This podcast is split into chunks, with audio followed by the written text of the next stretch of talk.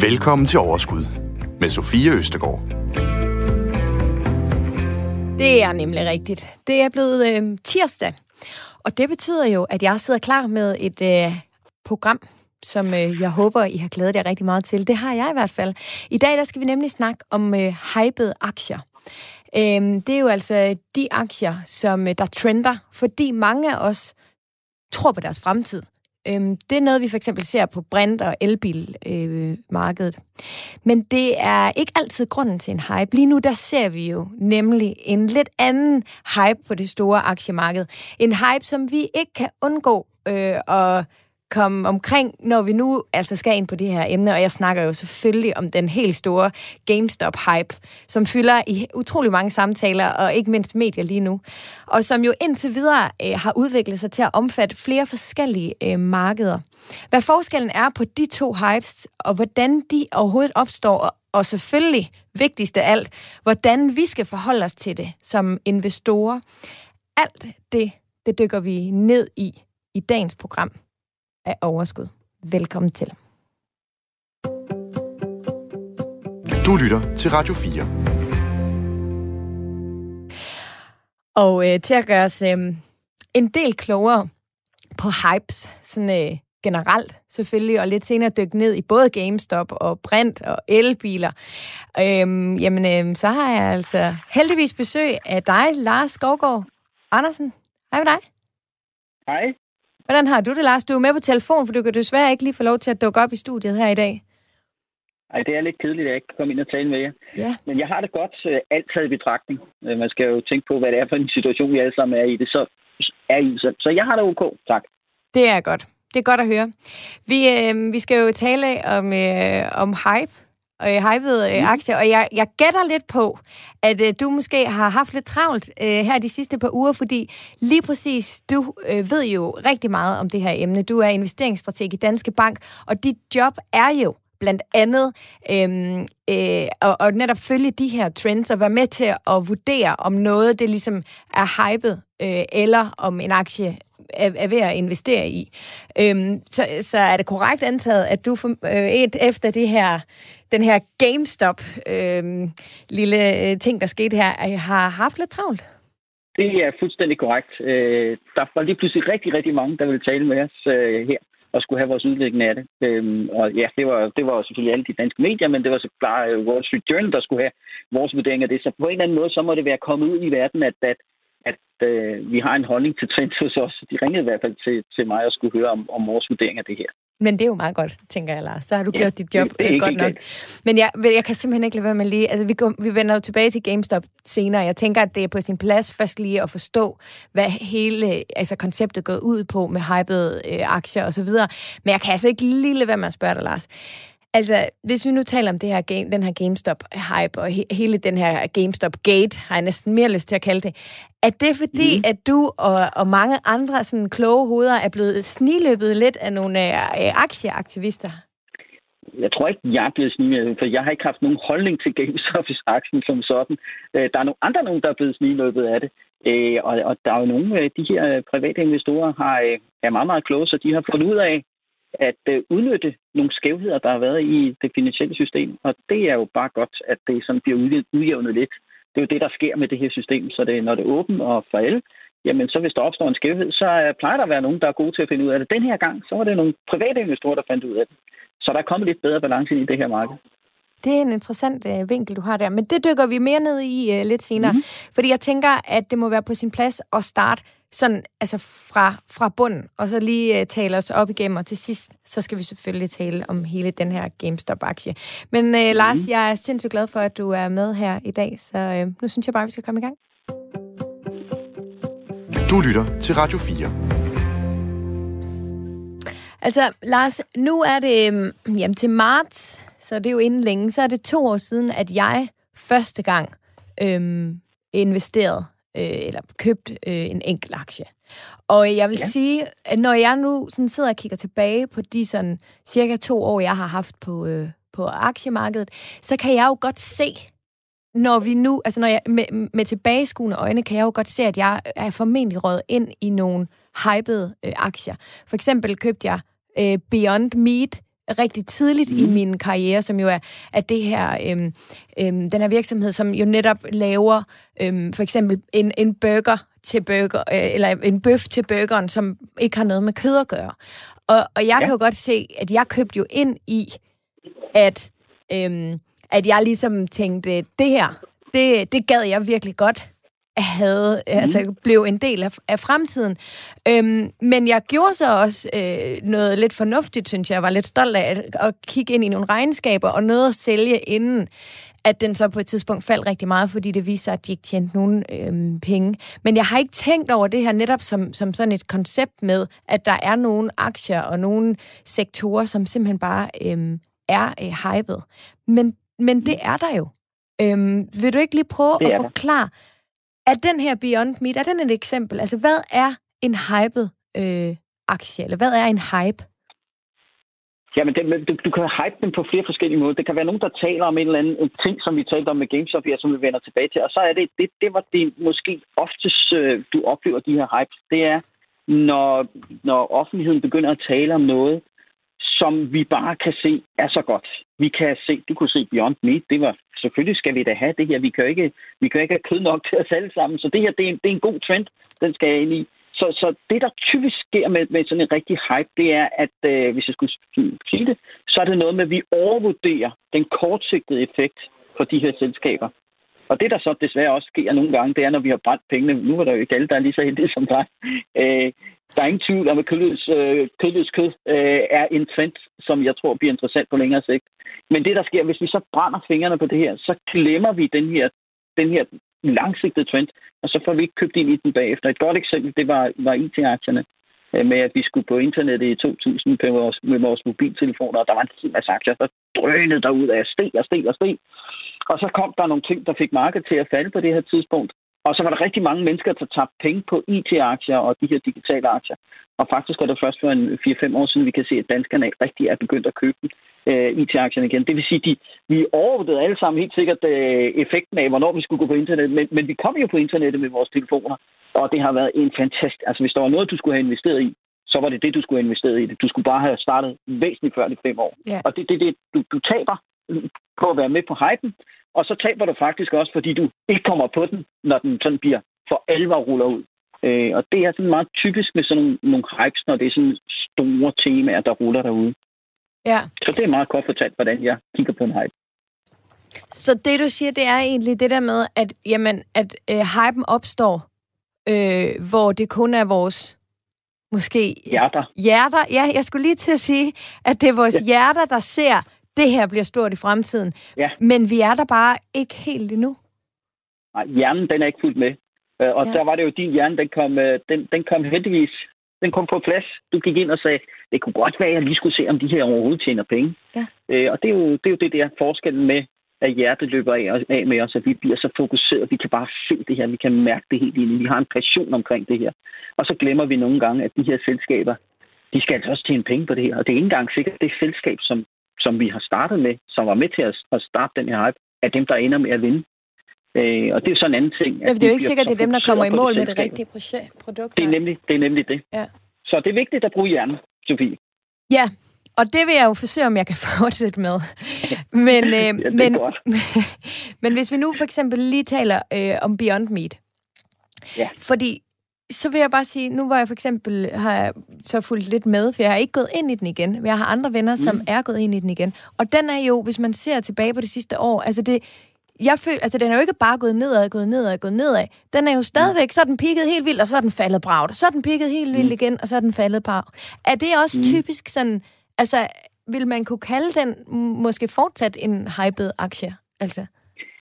Jeg tror måske mere, det er den stil, de har, fordi det, der har været det sidste år, er, har jo været et år, hvor, hvor det at gå efter aktier, som, øh, som har de her gode historier i sig, og hvor der er nogen, der, der taler om det i forer, så løber du efter den. Og så får du den her flokmentalitet, der bringer, kører den op, og så lige pludselig så kommer der, så mangler man, så er det ikke den, man kigger på, så er foret et andet sted hen, når man taler om den, og så, så er der ikke nok momentum i den, så falder den tilbage. Og det, det kan vi se rigtig mange aktier, der øh, i, sådan i, i, hvis du kommer ned i, i størrelsen, der hvor likviditeten måske ikke er helt så høj, så, så kan forer godt påvirke aktiekursdannelsen i, i nogle selskaber. Så, så det er en tendens, vi, vi oplever, vi har set hen over ja, de sidste halv års tid, har det været meget, meget udtalt. Og det er selvfølgelig det er meget spændende, men det er også noget, man skal passe på med som investor. Ja. Øh, fordi det er sådan noget lidt bobbelagtigt, kan man ja. godt sige. Men øhm, det vil sige, en, en hyped øh, aktie, hvis vi fortsat tager lidt udgangspunkt i det, mm. det er helt konkret en, hvor vi, vi har talt om det, hjertet øh, løber lidt af med os, vi får ikke hjernen med. Og definitionen mm. af den, det er, at aktien er for dyr i forhold til, hvad virksomheden tjener, rent faktisk ja. leverer resultat. Ja. Er det sådan forstået? Ja, det er jo der, hvor, hvor man ligesom møder øh, realiteten. Det er jo noget med, at vi, vi, når vi som investor, når man starter med at investere, så har man meget fokuseret i, på kursen. Og så er det den, man tror, der gør, om aktien er dyr eller billig. Men hvis du skal kigge på, om en aktie, et selskab er dyrt og billigt, så er aktiekursen kun en del af det. Det er, om selskabet tjener penge. Så hvis aktiekursen er steget for meget i forhold til, hvor mange penge selskabet kan tjene, jamen så er aktien dyr i min optik. Øh, så, så derfor så, øh, så er det bare noget vigtigt. Du kan godt være heldig at være med på det, og du løber med på et momentum. Men til sidst så bliver du fanget i, at øh, selskabet skal tjene penge. Ellers er der nogen, der simpelthen sælger det fra. Øh, og så, så kan det være nok så god en langsigtet god case. Men hvis de tjener penge. Og det du også skal opleve i øjeblikket, det er jo, at der er meget, meget lave renter. Øh, vi får masser af støtte til økonomierne. Vi har masser af overskud, alle os investorer. Så vi, køber, vi jagter de her ting. Men det, der normalt virkelig kan gøre ondt i sådan nogle selskaber her, som, som ikke tjener penge nok, eller måske først tjener penge om mange, mange år, det er, hvis renterne de begynder at ændre sig. Det var faktisk det, der gik galt i 2000. Det var, da renterne først begyndte at stige.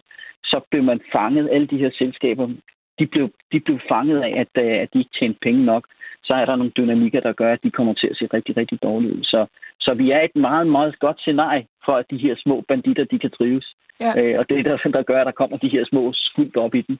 Men, men det holder ikke ved, desværre. Nu, øhm, Lars, du er altid så sød at sige til mig, at der ikke findes dumme spørgsmål, og det er en af grunden til, at du får lov til at komme igen gang på gang. så la- nu stiller jeg simpelthen et spørgsmål med far for, at det ja. måske øh, lyder åndssvagt. Er et, en virksomhed som Beyond Meat, altså jeg er jo med på virksomheder, jo, som generelt er, er interesseret i at have en, en, en høj øh, aktiekurs. Men en mm. virksomhed som Beyond Meat, Øhm, mm. Er de interesseret i at, at, at være den her hyped aktie, eller at... Kan du forstå, hvad jeg mener? På en måde vil man jo gerne have, at der er nogen, der taler ens aktiekurs op, ja. fordi så har selskabet den fordel, at øh, hvis de har deres aktier liggende til sikkerhed for lån, de får i banker og andre steder, så er værdien mere af den mm. sikkerhed, de har liggende. En anden ting, det er også, at øh, fordi aktiekursen er høj, øh, og man kan sige, at der er tillid til det her selskab, så kan man måske bedre få kreditter i bankerne. Og eller man kan så vælge at gå ud og sige, jamen vi vil godt udstede nogle flere aktier i markedet, fordi aktiekursen er høj. Så udsteder man simpelthen aktier øh, som selskab, og så får man noget kapital ind. Øh, og det er jo også øh, det, vi har set her på det seneste, at den her hype, der har været nogle aktier, har faktisk ført til, at de her selskaber, som har været hypet, har gået ud og hentet penge i markedet. Og desværre for aktionærerne, så sker der jo, at, øh, at aktiekursen den består af værdien af selskabet og antal aktier. Og hvis der kommer flere antal aktier, så falder værdien på aktiekursen. Ja. Og det er jo så det, der sker. Så man har været med til at presse prisen op. Øh, selskabet henter kapital i markedet. Det har Tesla gjort flere gange. Og så kan det altså påvirke kursen, hvis du er hvis du er nogle af dem, der ikke har så god en historie, som åbenbart Tesla har haft, fordi kursen er jo bare kørt videre for det selskab. Men de henter penge i markedet, fordi aktiekursen bliver kørt op. Ja, så på den måde er de jo så øh, interesseret øh, i det. Er det det, man kalder ja, det en aktie, aktiemission? Ja, det er det nemlig. Så, så selskaber kan hente penge i markedet. Det er den måde, de skaffer sig kapital. Mm. Det er at gå ud og udstede aktier. Og så får du som aktionær i selskabet ofte en lille fordel, at du har været aktionær. Men hvis du skal fastholde din samme værdi, så skal du være med og putte, putte flere penge ind i det her selskab også. Ellers så, så mister du værdi i det, du har købt. Så det koster, uanset hvad, så plejer det at koste for aktionærerne, at det selskabet henter kapital. Men hvis du er en langsigtet investor, så har du jo tillid til det her selskab om, at øh, det er godt, de får noget kapital. Det skal de højst sandsynligt bruge. De skal bruge det til at bygge nye fabrikker, eller indfri nogle lån, eller hvad pokker de nu ellers skal. Øh, så som udgangspunkt, så, øh, så vil det være godt, at øh, man kan hente kapital. Men det er jo bare problemet, der er mange af dem, der investerer i de her hypede aktier, som ikke er klar over, at det her det kan ske. Og så bliver de lige pludselig, hvorfor pokker faldt den her? Hvorfor faldt kursen? Det var ikke det, jeg troede, jeg skulle. Og det er der, hvor det kræver lidt indsigt øh, at være med i de her aktier. Der er noget, der følger med. Og det er jo egentlig en vild altså, tankegang. Nu bare lige for min øh, hjerne, som jeg jo virkelig forsøger at aktivere i dag, som du har sagt, jeg skal. ja, Nej, det, det er godt. Det er godt. Jeg kan jo ikke kun sidde her med hjertet, Lars. Øhm, men øhm, som jeg lige forstår det, du siger, så øh, har en virksomhed øhm, mulighed for at gå i banken og låne nogle penge. Hvis man skal mm. låne nogle penge i banken, så skal du vise nogle resultater, eller du skal vise noget. Altså, det er ikke nok at sige, at der er nogen, der tror på os, på at, på at vi kan, fordi vi ser... Det er en god sådan, business case. Ja, ikke? Mm. Og så kan det også være, at du kan sætte dine aktier til, til, til, til vise dem. Du kan også udstede obligationer. Det er ikke kun aktier, du kan gøre. Men, Nej. men, ja, men det, men det jeg så hører her dig sige, det er, at når du så altså, laver en aktiemission, kan man så, så gør man det. Altså, så kan du faktisk generere øh, kapital til din virksomhed. Mm udenom ja. banken, og kun på det her, som måske bare er en hype?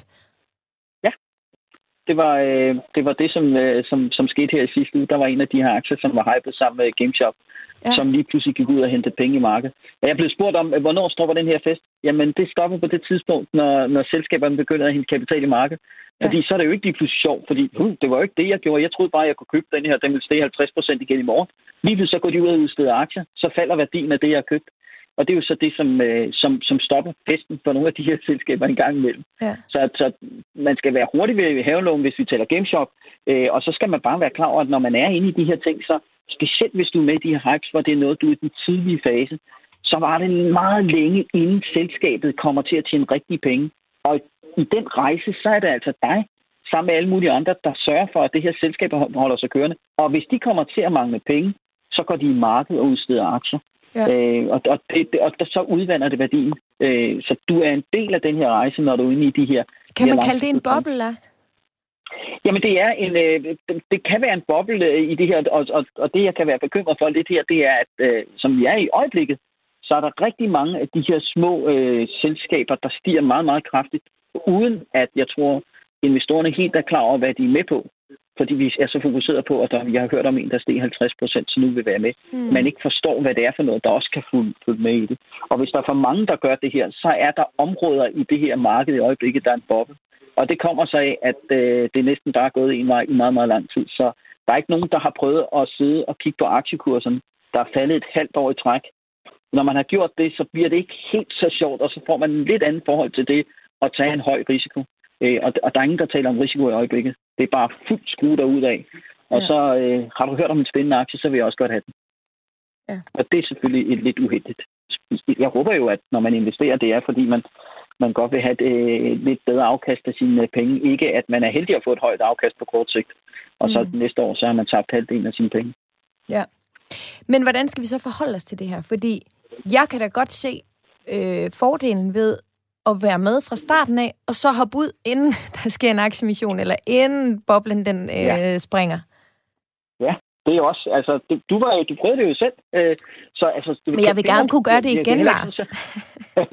Nej, det, jeg vil absolut ikke tale folk fra at være med i nye spændende selskaber. Det er super, super spændende.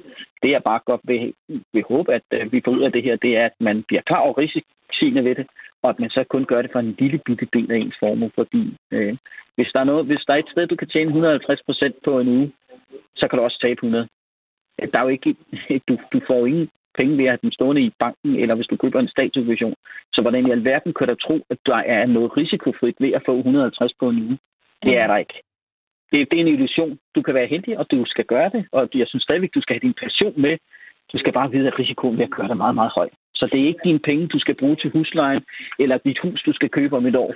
Øh, det vil jeg være ked af. Du kan få et palads, eller du kan få en øh, iglo, hvis du er heldig, at du selv kan lave den. Du lytter til Radio 4. Du var kort lidt inde på det, hvor du talte om, øhm, jeg tror lige, du nævnte noget med, øh, at, at det blev delt i fora, og så havde man måske øh, en, eller en tendens til at hoppe med. Jeg kunne godt lige tænke mig og høre lidt, hvor udbredt øh, det her øh, det her det er. Fordi vi har jo selv øh, på det her program en Facebook-gruppe nu, og vi er lige omkring øh, 6.000 øh, medlemmer.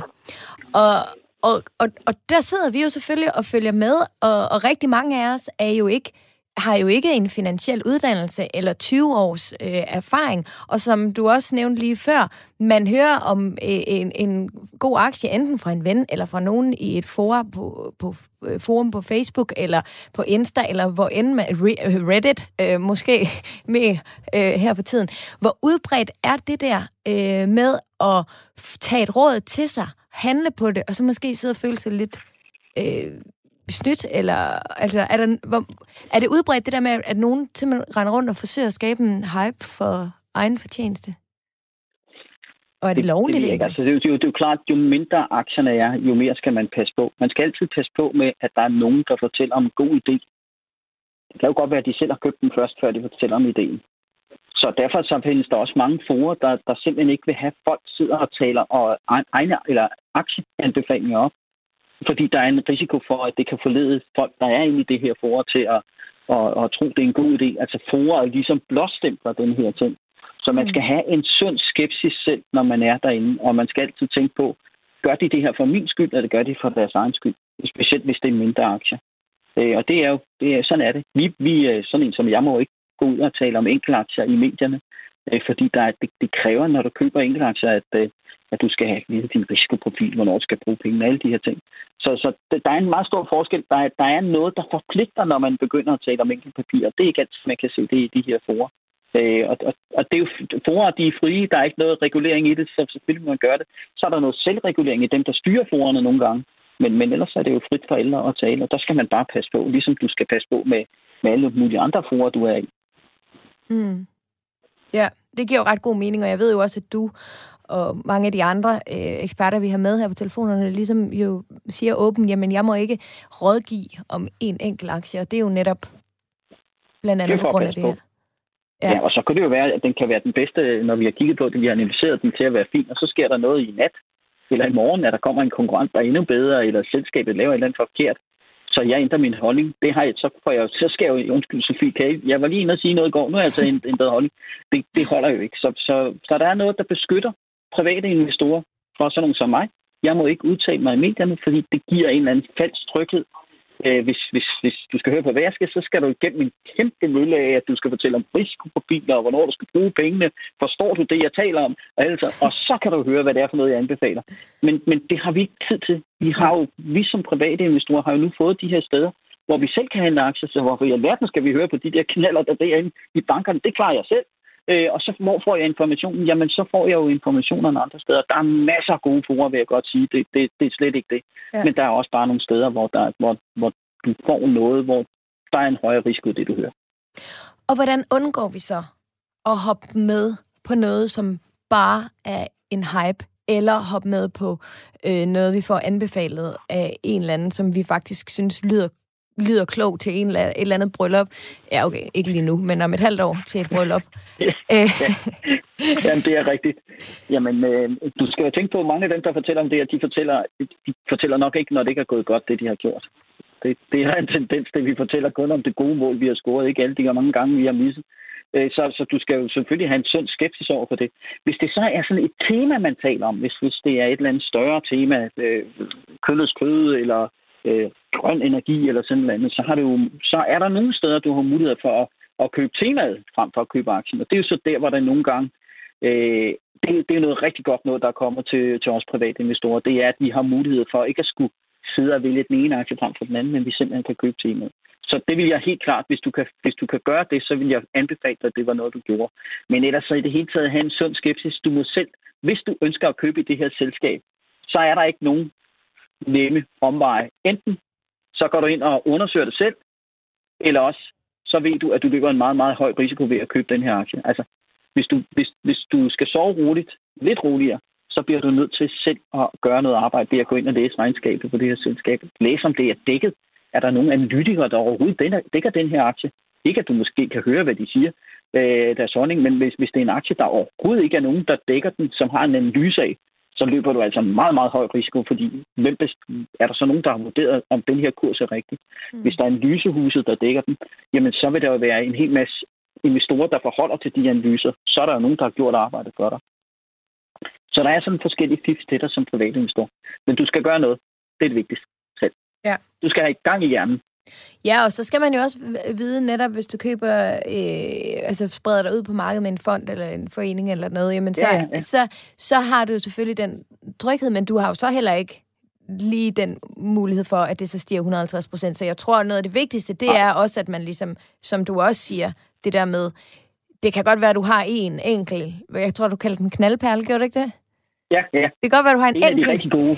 ja, øh, knaldperle, hvor du siger, okay, altså, og, og stiger den så 150 procent, så får du altså også meget ud af at have investeret bare 1000 kroner ja. i den, ikke? Altså, men omvendt, så skal de 1000 kroner måske også være noget, hvor du tænker, dem kan jeg godt undvære.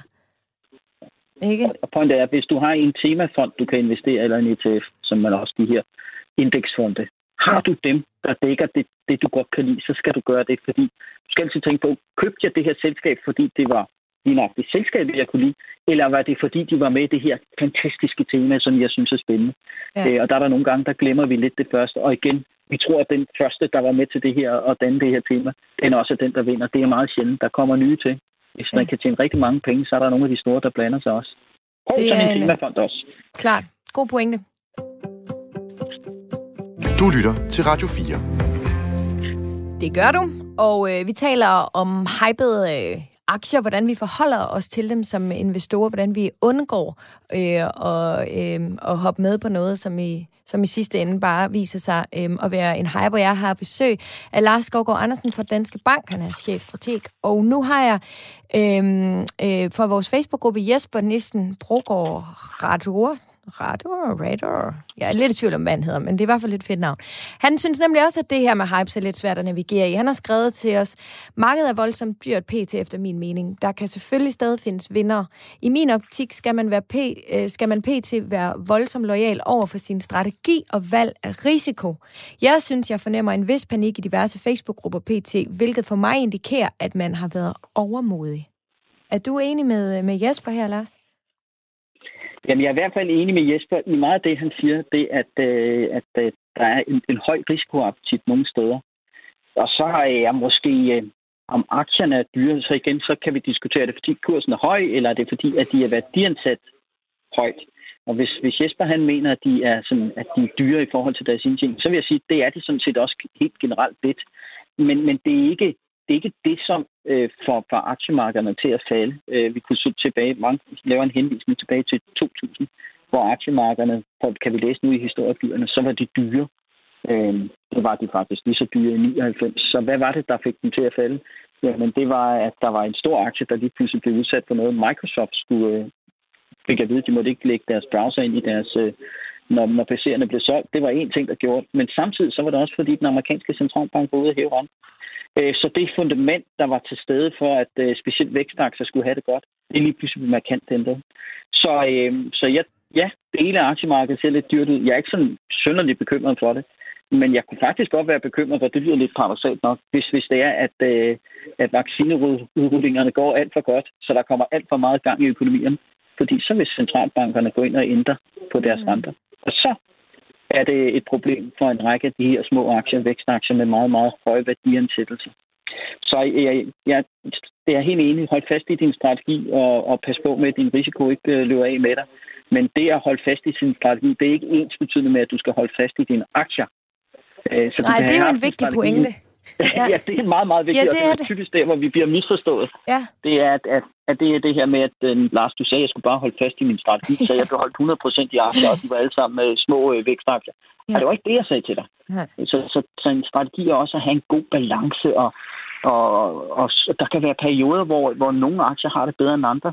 Som jeg siger, hvis renterne skal, skal til at stige, så stiger de jo, fordi der kommer gang i økonomien så kan det godt være, at det har været sjovt at lægge de små teknologiaktier eller sådan noget, men så skal vi måske lige pludselig have industriaktier eller selskaber, og det skal du ikke købe endnu, men altså selskaber, hvor vi tager ud og rejse, det tror jeg stadigvæk er lidt for tidligt, men, men mm. de, de kommer i sådan nogle bølger, øh, og, og den lille, altså du skal have sådan en, en strategi, hvis det er en strategi, at du skal have, lad os sige, 60% øh, i aktier, så 50 procent af dem, de ligger måske i en eller anden global aktiefond, der bare køber aktier i hele verden. Og så de sidste 10 procent, der er din strategi, at der jagter du det, der er det bedste lige nu. Det kunne være en strategi. Det synes jeg er en meget spændende strategi. Det synes men, jeg altså men, også. Men øh, pas på med, at du ikke bliver overmodet. Ja. Ja, vi havde talt med Jens Balle øh, for nogle uger siden, som, hvor vi netop mm. talte om sådan psykologien bag det at være aktie, eller at, at, at, at handle, øh, investere. Mm. Hvor han jo også sagde, ja. at den største fejl, vi alle sammen begår, det er øh, at overvurdere vores egne evner. Altså, ja. Øhm, ja. Og det er jo selvom, lidt det samme, du selvom, snakker om her. Ja, og det, det er jo lidt paradoxalt nok, og, hvis, og så er det det der med at sidde og kigge på aktiemarkedet hele tiden. Øh, det, det er jo lidt paradoxalt, at selvom det stiger, så bliver vi faktisk netto negativ for de få dage, hvor det falder. Det, det gør mere ondt i de dage, hvor det stiger. Ja. Så altså, øh, ja, men hold fast i din strategi, og undgå, at du skal sådan kigge på det hele tiden. Øh, så, så undgår du også øh, måske at få de, de dårlige dage. Men have en god strategi, så kan du også slappe lidt af, og mm. forhåbentlig snart begynde at se din familie. Ja. Og så tjene penge samtidig. Præcis. Det vil jo være, altså, det tror jeg næsten, vi alle sammen drømmer om. Det er jo altafgørende, at man sætter sig ned og kigger sig selv i spejlet og finder ud af, jamen, hvad er, hvad er min strategi, strategi herunder selvfølgelig risikoprofil. Øhm, ja. Og det ved jeg, og det er der, du også. der nogle ting med din strategi. Der, der, der, hvis du vælger en speciel strategi, der hedder, jeg holder bare fast i mine aktier, jamen så, øh, så går det nok godt noget en tid, og så skal du også være klar over, hvis der kommer konkurrenter til, at du holder fast, så kommer du til at tjene tjene penge på dem. Så, så der er mange forskellige måder, så din strategi øh, får effekt på, hvordan du vil opleve det at være investor. Og så, så er det noget med, at jo mere og mere du spreder dig, jo mindre risiko løber du. Øh, og, og det er sådan nogle helt andre ting, men det, det er vigtigt. Ja. Du lytter til Radio 4. Det gør du, og du lytter til programmet Overskud, øh, som i dag, som altid, er med mig, Sofie Østergaard. Men jeg er så heldig at have Lars Skov Andersen fra Danske Bank, chefstrateg, med på telefonen, Lars. Jeg glæder mig til, at tiderne bliver anderledes, så du kan stå lige herover for mig i studiet. Så vil jeg, øh, jeg vil have købt en faste til dig i dag. Kan du lide dem? Nej, det havde været dejligt. Havde det ikke det? Jeg det faktisk... kunne jeg godt altså, jeg, Nej, det kunne jeg nok ikke trænge til, men jeg vil ja. glæde mig til at spise den. Ja. Ved du hvad, lige meget hvornår det bliver, så køber jeg en fast lavnsbolle til dig. Skal vi ikke aftale det? Ja. Jeg havde det faktisk det. Øh, i flere uger nu lovet Maja en. Nu kigger jeg på hende ude i regien, og jeg har simpelthen ikke... Uh, hun sidder med en tør robrød. Men jeg har, jeg har ikke fået købt en endnu. Men jeg uh, har fået at vide, at der er nogle rigtig gode her tæt på studiet. Så det skal jeg nok sørge for. Men, ja, ikke? Lars, nu skal vi videre, og så kunne jeg godt tale, øh, tænke mig at tale lidt om brintbiler og om elbiler. Fordi mm. lige præcis de to, øh, det er måske nogle sådan øh, markeder, som øh, de placerer sig selvfølgelig under den grønne paraply, som som mm. jeg jo også allerede har talt om, at det er lidt noget af det, som jeg køber ind i, og som jeg garanteret er med til øh, at hype. Øhm, men jeg ved også, at du kalder det lidt for nogle markeder, der er stukket af. Hvordan kan det være? Jamen, der er, jeg vil sige, begge dele er ting, som jeg tror bliver en kæmpe stor del af vores fremtid. Jeg vil sige, øh, hvis jeg skulle sige mellem brint og elbilen, så vil jeg sige, at elbilen er som, som økonomisk væsentlig for over sin hype. Øh, der kan være nogle enkelte papirer, der måske bliver hypet lidt derinde, men, men det er jo kommet for at blive. Det er jo ikke længere et spørgsmål om, om vi kommer til at køre en bil eller ej. Det er kommet for at blive, hvor man brint måske i større, i højere omfang, øh, højere omfang er, er, er hypet. Så, så det er lidt sådan, jeg vurderer det her nu. Okay, så du mener, Brint er hypet lidt... Altså, jeg sluttede sidste program af øh, i 2020 med sådan at viske ind i mikrofonen, at nu vil jeg købe Tesla-aktier. Fordi jeg havde talt med øh, Daniel, som, øh, Daniel Hansen Pedersen, som øh, er meget fortaler for de her øh, Tesla-aktier. Jeg lavede nogle videoer omkring det. Og, og jeg havde det sådan, om, det giver fem, det giver sgu mening. Altså, det gør det sgu. Og så alligevel gik ja. jeg hjem og kiggede lidt på det igen, og så gjorde jeg det ikke. Fordi jeg, der er et eller andet, altså netop det føles, det føles simpelthen for hypet for mig. Til gengæld, ja. så har jeg brintbiler, kanadiske brintbiler i Ballard Power. Det føler jeg overhovedet mm. ikke er hypet. Men nu synes jeg, du siger det modsatte, Lars. ja, men, men, men, men øh, det, der er i det, det er, der er ingen tvivl om, at brint bliver kæmpestort. Men hvornår kommer de her til at tjene penge nok til at berettige til den kurs, der er i øjeblikket? Og det er der, hvor jeg, hvor jeg mener, at kæden hopper lidt af. Der har vi i den grad indregnet, at brint, det er noget, vi alle sammen, ja, det er ikke nok ikke alle sammen, men det bliver kæmpestort, og det er noget, vi alle sammen kommer til at bruge. Og der er der jo altså lang tid ind til det her, det kan blive rullet ud, før det op virkelig bliver noget, der kommer til at blive implementeret i vores, vores, øh, vores øh, sådan flåde af køretøjer. Det giver jo rigtig god værdi, at øh, man skal bruge brint. Det, det er jo den hellige grad. Det er det, når vi, når vi genererer øh, sol- og vindenergi. Hvordan får vi lavet det? Så kan vi lave det om til brint, og så kan vi bruge det til den tunge transport, altså lastbiler, fly, skibe. så, så er det lidt bedre end at, at drøne rundt med sådan et, et tungt batteri, øh, som, som det er nu i hvert fald. Så derfor så giver det en ekstremt god værdi og logisk øh, sats, mm. at man skal gå den vej. Men, men pointet er bare, at der er bare lang tid fra nu til, til når det engang ender med at blive, at det bliver så rentabelt for dem. Og, og det, der er i min optik, når jeg står og kigger i den verden, som vi kigger ud af ud i her, så er vi i, i supercyklen for øh, investorvillighed. Vi også har ekstremt lave renter. Og hvis det er, at øh, vi ender med at komme hen i en periode, hvor der bliver lidt mere udfordret, hvor, hvor centralbankerne ikke bliver ved med at holde renterne lave, hvor, øh, hvor vi kommer hen, og det bliver lidt mere almindelige forhold, man skal forholde sig til, til selskaber, og man ikke har den her øh, støtte for alle, så bliver det sådan ligesom om, øh, så kommer virkeligheden også til de her selskaber.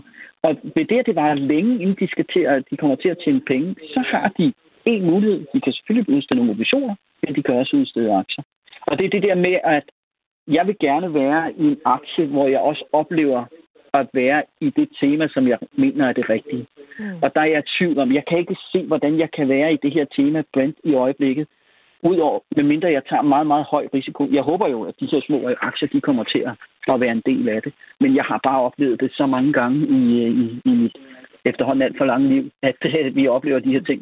Da vi havde klimatopmøde i Danmark, i, der, var, der skulle vi have solceller, Øh, det var det hotte, det var solcellerne, det må man jo bare sige, det har vi jo alle sammen nu. Men problemet var, at de, de selskaber, vi investerede i, øh, der kom en, en krise på et tidspunkt. Der var ikke de samme økonomiske vilkår. Og så gik øh, den kinesiske regering ud og sagde til nogle af de store kinesiske solcelleselskaber, prøv at høre, I får ubegrænset kredit hos os.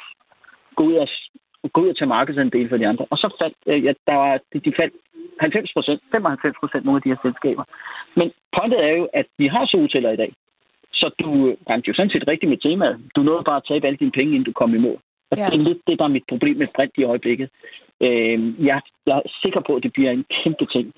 Jeg kan bare ikke sådan gå ud og, og sådan lægge mit hjerte i at sige, at der er ikke nogen risiko forbundet med det. Det er det, jeg siger med det. Når, ja. når der er noget, alle løber efter den samme på så kort, øh, den samme aktie eller samme tema på så kort tid, så kan jeg være lidt bekymret for, at det ikke er en, en hyper. Det eneste, jeg vil sige, det er, at øh, jeg håber, at du holder fast i en af dem, der vinder. Du skal vide, hvad for en risiko du løber. Nu har jeg fortalt dig om nogle af dem. Ja. Og så skal du ikke være overrasket over, at det bliver en anden en. Nej, for det er jo... en lille del af din store formue af din store formue, Sofie. ja, min kæmpe formue. Jeg vil sige, jeg, er, jeg har ja. ikke så meget investeret efter, at øh, jeg har købt hus øh, for et par måneder siden. Det er jo også en måde at investere. Ja, ja, præcis. Øhm, ja. Men, men hvad hedder det? Men det, ja, nu sluttede du lige af der, hvor jeg netop øh, tænkte, at øh, det var en, en pointe at tage med for mig, fordi jeg er enig med dig så langt, at brint, det kommer til at blive fedt på et tidspunkt. Men det er jo klart, ja. jeg har én brintbilaktie, og, ja. øh, og det er jo rigtigt, hvad du siger, der kan jo gå en del år endnu, før brint er så øh, højt, altså, som jeg forestiller mig, at det skal blive. Og der kan jo være kommet fire andre, der har overhalet min kære Ballard øh, inden øh, om. Mm. Ja. Ja, og det er, det er risici. Du kan se en anden en, som, som i øjeblikket, som du ser med, med hensyn til elbilmarkedet. Der er også noget andet noget. Når der er noget, der bliver så godt, at det bliver rigtig, rigtig kommercielt interessant, så kommer der andre aktører til. Nu er det lige været, Apple har været ude at sige, at de overvejer at lave kontrakt med Kia, øh, Hyundai om at lave biler. Mm. Øh, hvad, hvad, hvad, det segment, som Tesla sælger til, hvor mange er det ikke trofaste Apple-kunder, der er derinde, og hvordan bliver det? Øh, vi kan se, at de store bilproducenter går sammen nu, øh, fordi de, det bliver de nødt til, de, de taber penge, og det koster mange penge at omstille sig til at lave elbiler. Men de kan måske komme med nogle alternativer til nogle billigere biler, så jeg er slet ikke i tvivl om, at elbilen bliver det store. Og jeg tror også, at Tesla har kæmpe forspring, og de, de er jo meget mere end bilen. De har også noget med, med, med ladestander og batteri og alt muligt andet. Øh, men, men, men man skal bare passe på med, at man ikke bliver så forelsket i den her ene ting, at man glemmer at gøre det, som man skal gøre. Man skal kigge ned, at selskabet tjener de penge nok. Øh, øh, det må godt være dyre, for det, det har det været noget tid, så det kan jeg godt leve med. Men kommer der nye spillere på, der kan udfordre dem? Øh, og og det, det, det glemmer man bare nogle gange. Og så er det, som jeg siger, hvis du er, hvis du købte Teslaen, fordi du troede, at elbiler bliver fremtiden, så skal du huske, hvad du gjorde. Nu fik du tilfældigvis en, der var super, super god, men hvis det er temaet, du køber, så burde du jo faktisk have nogle af pengene ud, og så putte ind i et elbil-tema, ja. hvor du så også får glæde af dem, der laver batterierne, dem, der laver ladestanderne, dem, der laver hele infrastrukturen. Ja. Fordi hvor er vinderen inde i omstillingen til elbilerne? Hvem, hvem er det, der vinder? Øh, det er mange forskellige steder, øh, at sådan en trend, der du finder vinder. Så det er lidt den historie. Jeg, jeg faktisk, og det har været, været ude at anbefale mine kunder at få en lille eksponering mod elbiler øh, i noget tid. Men så har vi gjort det via sådan en, en temafond. For jeg kan ikke, jeg, jeg vil helst ikke, at de putter alle deres penge i alle i, i en kurv. Jeg vil godt have en stor bred kurv. Øh, jeg vil godt have købt hele høvstakken i stedet for bare nålen, ikke? Jo. Det gad jeg jo egentlig også godt, men ikke hele vejen rundt. Det er altså lidt for kedeligt for mig. Nej, nej, du skal da også have lov til, det der, det der er det spændende som investor. Vi skal da ud og have lov til at mærke suset i maven, ja. når det går godt.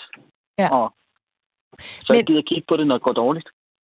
Præcis. Men, men der er ja. øh, pointen måske også, fordi vi har, jeg har rigtig meget, jeg besøger rigtig mange øhm, kloge hoveder, som, som, som faktisk anbefaler, lad være med at kigge på din portefølje. Altså, jeg er jo altså, ind og kigge flere gange dagligt, fordi jeg synes, det, det er spændende. Og tit og ofte så anbefaler de faktisk, at man laver den investering, man vil have, og så skal du lægge det væk, og du skal først kigge på det måske et år efter. Mm. Øhm, det kan jeg give måske rigtig fint mening, hvis man netop har nogle af de her ETF'er eller fonde, eller Øhm, men, ja, men, men det, jeg også lidt hører dig sige, Lars, det er, hvis man tager nogle af de der risky øh, nogen, som for eksempel, jeg har Ballard Power, så skal jeg jo selvfølgelig altså, holde lidt øje med det løbende. Ja, det bliver du nødt til. Ja. Altså, jeg, jeg gør også det, det jeg har også, jeg har også rådgivet kunder, som jeg sådan direkte sidde over for en kunde nu og rådgiver min, min rådgiver om at rådgive kunder og, og, og gøre det her. Men, men der gjorde vi så også det der, men nogle gange er det måske også godt at dele sine investeringer op, hvis man har mulighed for det. Så du har en del, altså hovedparten, det der, det, det der er rugbrød, det der skal gøre, at du får råd til et endnu større hus, øh, det, er, det, det ligger du ind i en eller anden meget sådan forsigtig bred, bred måde at investere på, som jeg typisk siger. Hvis det er markedet, du tror, der skal op, så køb hele markedet. Så kan du gøre det, kan man faktisk gøre meget billigt. Og så har du sådan 10-15 procent, hvor du det er okay, du går ind og kigger på det, sådan op og ned. Men, ja. men du skal ikke blande de her to ting sammen, fordi så bliver du skizofren. Ja. Og det er rigtig sjovt at se på, når markedet stiger. Men jeg igen til siger, hvis du har siddet et halvt år, og du har set det, du har købt, det er faldet 70 procent, så tror jeg, at du finder ud af, at der er noget andet, noget du hellere vil bruge din tid på. Fordi så bliver mm. du simpelthen så ked af at gå ind og kigge på det. Ja. Så, øhm, og der er jeg så, jo nok et, øh, et, et barn af et, øh, et aktie, en aktieperiode, på netop som jeg sagde, omkring to år, hvor jeg har, altså, har været sådan lidt... Øh, jeg, jeg er kommet med på, på en god bølge, ikke? Altså. Og det er godt. Det skal du være glad for. Ja, det og det er jeg også. Så, så, ja. Jamen, jeg har faktisk det... hørt nogen, der siger, at man bliver en dygtigere in, in investor af lige at få et lap over, rap over fingrene, som noget af det første. Ja. Altså, fordi måske det er det netop med til at gøre mig og, og andre, som er hoppet med på bølgen også. Vi ved, der er rigtig mange, der er startet bare inden for det sidste års tid. Altså, måske mm. er det netop med til at underbygge vores overmodighed en smule. Det, men man kan godt føle sig lidt som forældrene, der står og fortæller til børnene, nu skal I passe på. Det er jo ikke, så bliver det sådan noget, det gider vi slet ikke at høre på, de der de gamle mænd der, der går, eller damer, eller hvad, der går og fortæller. Men, men det er simpelthen, det er jo selvfølgelig bare fordi, at øh, jeg vil selvfølgelig være utrolig ked af, at folk, der kaster sig ud i det her, fordi jeg mener, det er en god idé at kigge på måden og få lidt mere ud af sine penge. Øh, om det er et hus, eller, eller du investerer mm. eller hvad pokker du får dine penge. Jeg er bare bange for, at vi nogle gange glemmer, at der er en risiko forbundet med noget. Der er ikke, du kan ikke få et højt afkast, uden du løber en risiko.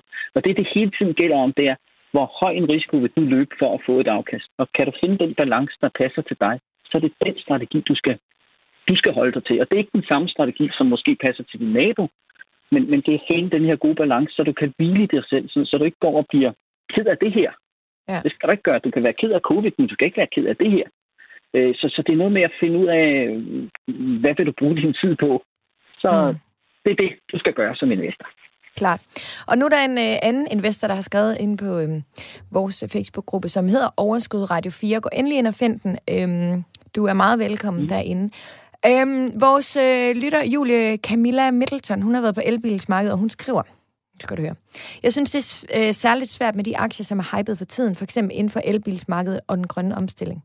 Man køber aktier i blinde inden for et marked med stor konkurrence, og det er umuligt at afkode, hvilke der løber med sejren, og hvilke der drejer nøglen om. Jeg købte selv den kinesiske pendant til Tesla, og Lars hjælp mig lige. Xpeng? Xpeng? Xpeng? Hvad hedder den? Mm-hmm. Er det Xpeng? Sådan, ja. Ja, det, det, ja. det er sådan, vi siger det. Hvor jeg købte på et tidspunkt, hvor den steg rigtig meget. Jeg fik blod på tanden til hurtig fortjeneste, og jeg købte derfor til min datters depot. Cirka en måned senere, på toppen, og lige siden, det er cirka en måned siden, er den faldet med 47 procent. Det store spørgsmål er her, skal man beholde eller skal jeg sælge? Det er særligt svært, når man ikke ved nok om virksomhederne, og de er så volatile. I forhold til Xpeng-aktien, så har den egen fabrik, i gangværende salg og virkelig flotte biler. På trods af det dykker aktien, og spørgsmålet er, hvor længe og om det vender. Hvad siger du til det, Lars? Jeg er jo med på, at du som sådan ikke må tale om aktier. Jeg siger, det ved jeg ikke, om det vender. Jeg, Nej. Jeg, jeg kan, jeg, som, som du ved, så kan jeg ikke forholde mig til det. Nej. Men det er jo et, et, et, et rigtig godt eksempel. Hvis Julie køber på aktien, fordi hun mener, at elbiler er noget, som hun tror på i fremtiden, så har hun muligheder for at vælge at investere via en, en indeksfond, hvor hun køber hele temaet elbiler. Det ændrer sig ikke ved, at hvis hele temaet elbiler er en kæmpe hype, så vil det også bevæge sig op og ned.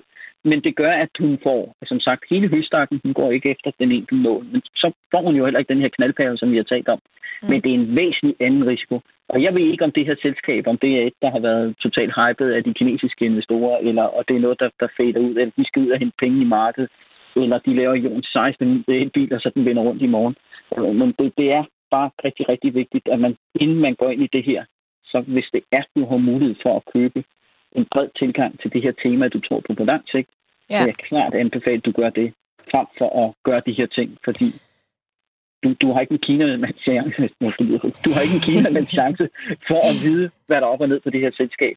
Men, øhm, men så, hvad så, kan Julie gøre? Altså hun kunne måske gå ind og søge og se, om der, om der måske var lidt øhm, forskellige ja, øh, analyser gøre. om det, og så prøve at se, ja. for hun siger selv, at hun har taget stilling, de laver flotte biler, de har et igangværende salg, de har sågar egen fabrik. Øhm, ja. Men, ja. men tjener de nogen penge? Hvornår tjener de penge? Og det er jo det, Julie måske skulle gå ind og kigge, ikke? Ja. Og faktisk har vi i et tidligere program gennemgået, hvordan man laver en øh, fundamental analyse af, et, altså ja. ikke en år, ikke hele vejen rundt, men det kunne være, at Julie, hun men... skulle gå ind bare lige og høre ja. det, fordi der var altså nogle rigtig gode øh, fif til, hvordan man Det vil jeg helt klart anbefale. Et, nogle andre ting er jo også, når man investerer i noget, hvor man siger, nu kommer jeg bare med et råd, og det er så lidt for sent til, til juli her, men, men hvis du går ind og investerer i ting, som, øh, som du overhovedet ikke har sat dig ind i, så kan du også vælge at sige, jeg køber den her, hvis den falder øh, 10 procent, så sælger den. Uanset hvad, hvad der er, så sælger den. Jeg gider ikke at tage mere end 10 procent. Det er jo også en måde at investere på. Ja. ja, men så er der nogle gange, så vinder de rundt og alle de her ting. Men, men hvis du vælger den i blinde, så skal du også have det, der typisk hedder stop loss i blinde, vil jeg sige. Altså, fordi så kan du ikke, ja, men jeg tror, så begynder man, man begynder at opfinde alle mm. mulige argumenter for, ja. hvorfor den her, I kan ikke finde ud af at tage tab. Som, ja, men jeg håber på, at den kommer tilbage jeg får alligevel penge ind på min pension, så det gør ikke noget, jeg, jeg taber penge på den her. Og det kan jeg, godt, det kan jeg næsten få knuppe over, at man sidder og siger, at man er fuldstændig ja. ligeglad med jeg det. Mindes også, jeg mindes også, Lars, at du har sagt noget lignende tidligere i et program. Men, øhm, ja, det har jeg også. Ja, det har du godt tid.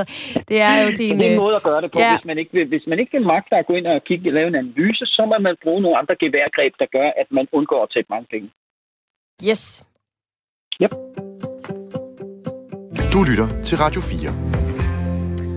Og tiden den går og går og går, og klokken den slår, Lars. Men nu skal vi altså simpelthen lige vende øh, vores øh, GameStop-hype her. Hvad, altså, hvad foregår der? Jeg tror, at vi alle sammen efterhånden godt har forstået, hvad der, hvad der skete. Øh, at mm. på Reddit verden over var der en masse unge, altså mange studerende, som jeg forstår det, der blev enige om at købe op igen i den her GameStop-aktie, som jo i mange år har haft en nedadgående kurve, øhm, og som egentlig ikke ser ud til at, at skulle øh, ændre det, men fordi mange øh, professionelle investorer havde shortet den, så kunne de gå ind og få kursen til at gå op, og på den måde var der mange af de professionelle, som tabte en masse penge. Der var få professionelle, der tabte. Nå, der var dem, der få, havde gjort det andet. Men ja. de tabte mange penge. Ja, det er rigtigt. De tabte ja, mange penge. Det er sådan, man skal forstå det. det. Godt. Kan ja. du lige ganske kort forklare, hvad går shorting ud på? Øh, normalt, når vi investerer, så er det jo, at vi køber aktier. Men det, der også sker, det er, at øh, man har også fundet ud af, at hvis man ikke mener, at en aktie er særlig god, så kan man gå ud og sælge den i markedet. Det kan du selvfølgelig kun gøre, hvis du selv har aktien. Men det, man også kan gøre, øh, det der også er nogen, der har fundet ud af, det er, at de kan gå ud og låne aktierne hos nogle andre nogen. Under forudsætning af, at de selvfølgelig leverer dem tilbage igen til den kurs, de har lånt dem. Så man går ud og man ringer rundt og siger, kan jeg låne nogle GameStop-aktier af dig? Det kan det godt, men jeg skal have en rente. Så man betaler, lad os sige, man betaler 2% i rente for den, og man låner den på en eller anden given kurs, og så har jeg den nu så kan jeg sige, så kan jeg jo sælge dem i markedet. Nu kan jeg gå ud og sælge dem. Øh, og det er fint. Hvis, øh, hvis jeg har ret i det, jeg siger, så vil kursen jo falde. Og så kan jeg jo købe aktien tilbage, og så afleverer den tilbage til den, jeg har lånt. Selvfølgelig ikke til den lave kurs, som jeg nu har købt den tilbage til. Den fortjeneste fastholder jeg. Men så siger jeg tak for lån, du har fået lidt rente, og jeg har tjent penge på, at jeg ramte rigtigt på, at aktien den skulle falde. Og det er sådan meget easy peasy fortalt, at det, det er, hvad shorting går ud på. Ja. Så det er der nogen, der har gjort. De har simpelthen været ude og spekulere i, at uh, GameShop, som tidligere solgt uh, spil i forretninger rundt omkring, der er ingen af os, der mere køber spil i forretninger. Vi downloader dem direkte fra udbyderne, så de her spil, uh, fire, den, den her kæde, det var en, der var uddød, så den ville nok falde i kurs. Så, og Lars, jeg har et spørgsmål til det der. COVID, så, ja, så, så, så spekulerede de, at den skulle falde. Ja. Så det er, hvad shorting er, sådan kort fortalt. Mm. Og øh, vi vender tilbage til shorting i et program senere øh, på året, vil jeg bare lige okay. sige, hvor vi går mere i dybden med det. Men jeg har bare et spørgsmål, som jeg gerne lige vil have afklaret. Når du så leger den aktie, øh, eller låner den til, lad os sige, 2% mm. i rente, for at bruge dit eksempel, aftaler du mm. altid på det tidspunkt, et tidspunkt, du skal levere den tilbage igen? Ja, det vil der typisk være, eller okay. kan man sådan forlænge dem. Så, så der kan være nogle specielle perioder, eller også ja. kan den forlænges. Så det, det er lidt individuelt. Okay, interessant. Der vil altid være en eller anden aftale med den, man leger den af. Ja.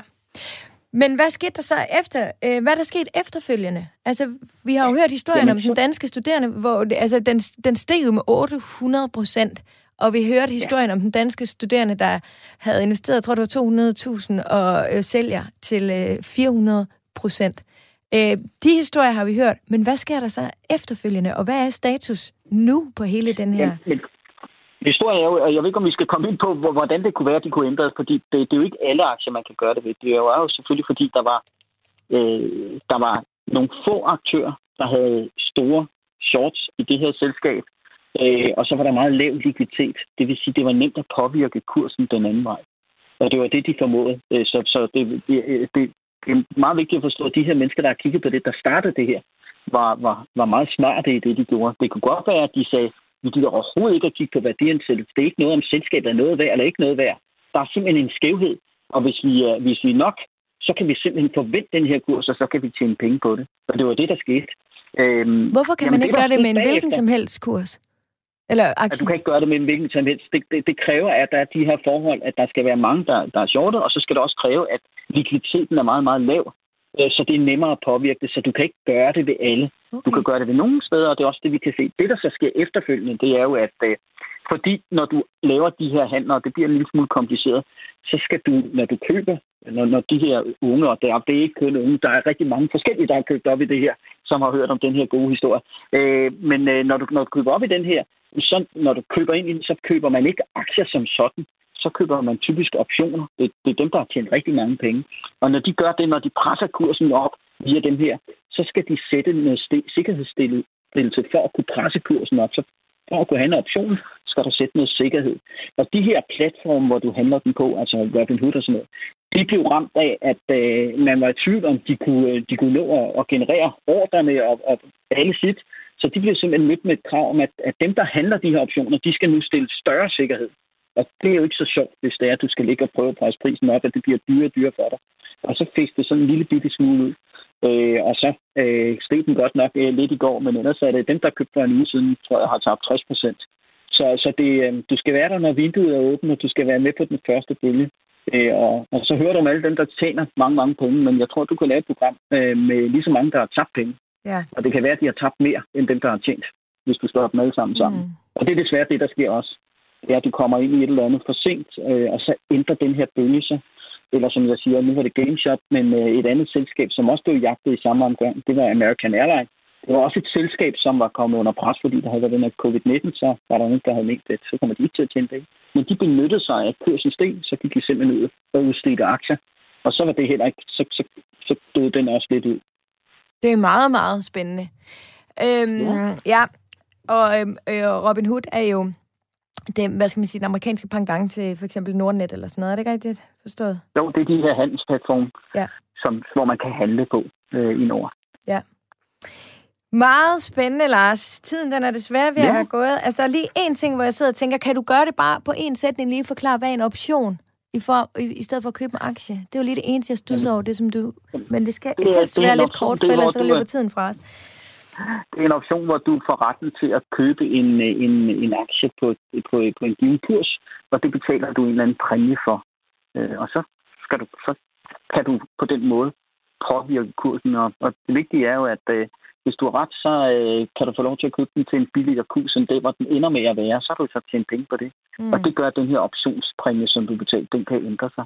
Men hver gang du køber en option, så er der nogen, der bagved skal gå ud og, og gøre det, du gør. Ja. Og det var det, der var med til at presse prisen så meget. Det var dem, der sådan ligesom skulle på et eller andet tidspunkt levere aktierne til dig. Det vil sige, alle de her, der var ude at købe inden via Robinhood, de betalte retten til at købe aktien på et tidspunkt på en eller anden given pris. Og da de, da, du kan ikke få lov til at have det, det bed liggende åben. Så der var rigtig de her aktører, der, der skulle levere aktierne på et tidspunkt, som udstedte optionerne, de skulle så gå ud faktisk og købe dem. Og det gav det her ekstra boost. Så for meget små penge kunne man give det et ordentligt skub, og så blev de her hedgefonde ramt. Og så puha, Øh, vi, vi, nu, nu bliver vi nødt til at aflevere de her aktier tilbage til ham, vi har lånt dem af, fordi ellers så, øh, så kommer vi til at tage for mange penge. Og så bliver de også nødt til at købe den i markedet, og så fik vi den her markante pres op i aktiemarkederne, fordi alle løb den samme vej lige pludselig. Lars, tusind tak, fordi du ville være med i dag. Det var øh, meget interessant øh, at høre om, og skal vi ikke prøve at se, om øh, jeg håber næste gang, at øh, vi skal lave radio sammen, så ses vi, og så lover jeg dig en faste lavnsbolle. Det lyder rigtig dejligt. Tak skal du have. Fremragende. Lars, kan du have det godt? Ja, tak. Tak. Hej. Hej, hej. Det her, det var altså Overskud med mig, Sofie Østergaard. Husk, du altid kan skrive til mig på overskudsnabelag radio4.dk eller på vores Facebook-gruppe. Du kan også altid finde mig på min Instagram. Programmet var tilrettelagt af Maja Christine Grønbæk og mig selv afviklet af Maja, produceret af Body Body for Radio 4. Lov mig, pas på dig selv og have det dejligt, til vi ses igen.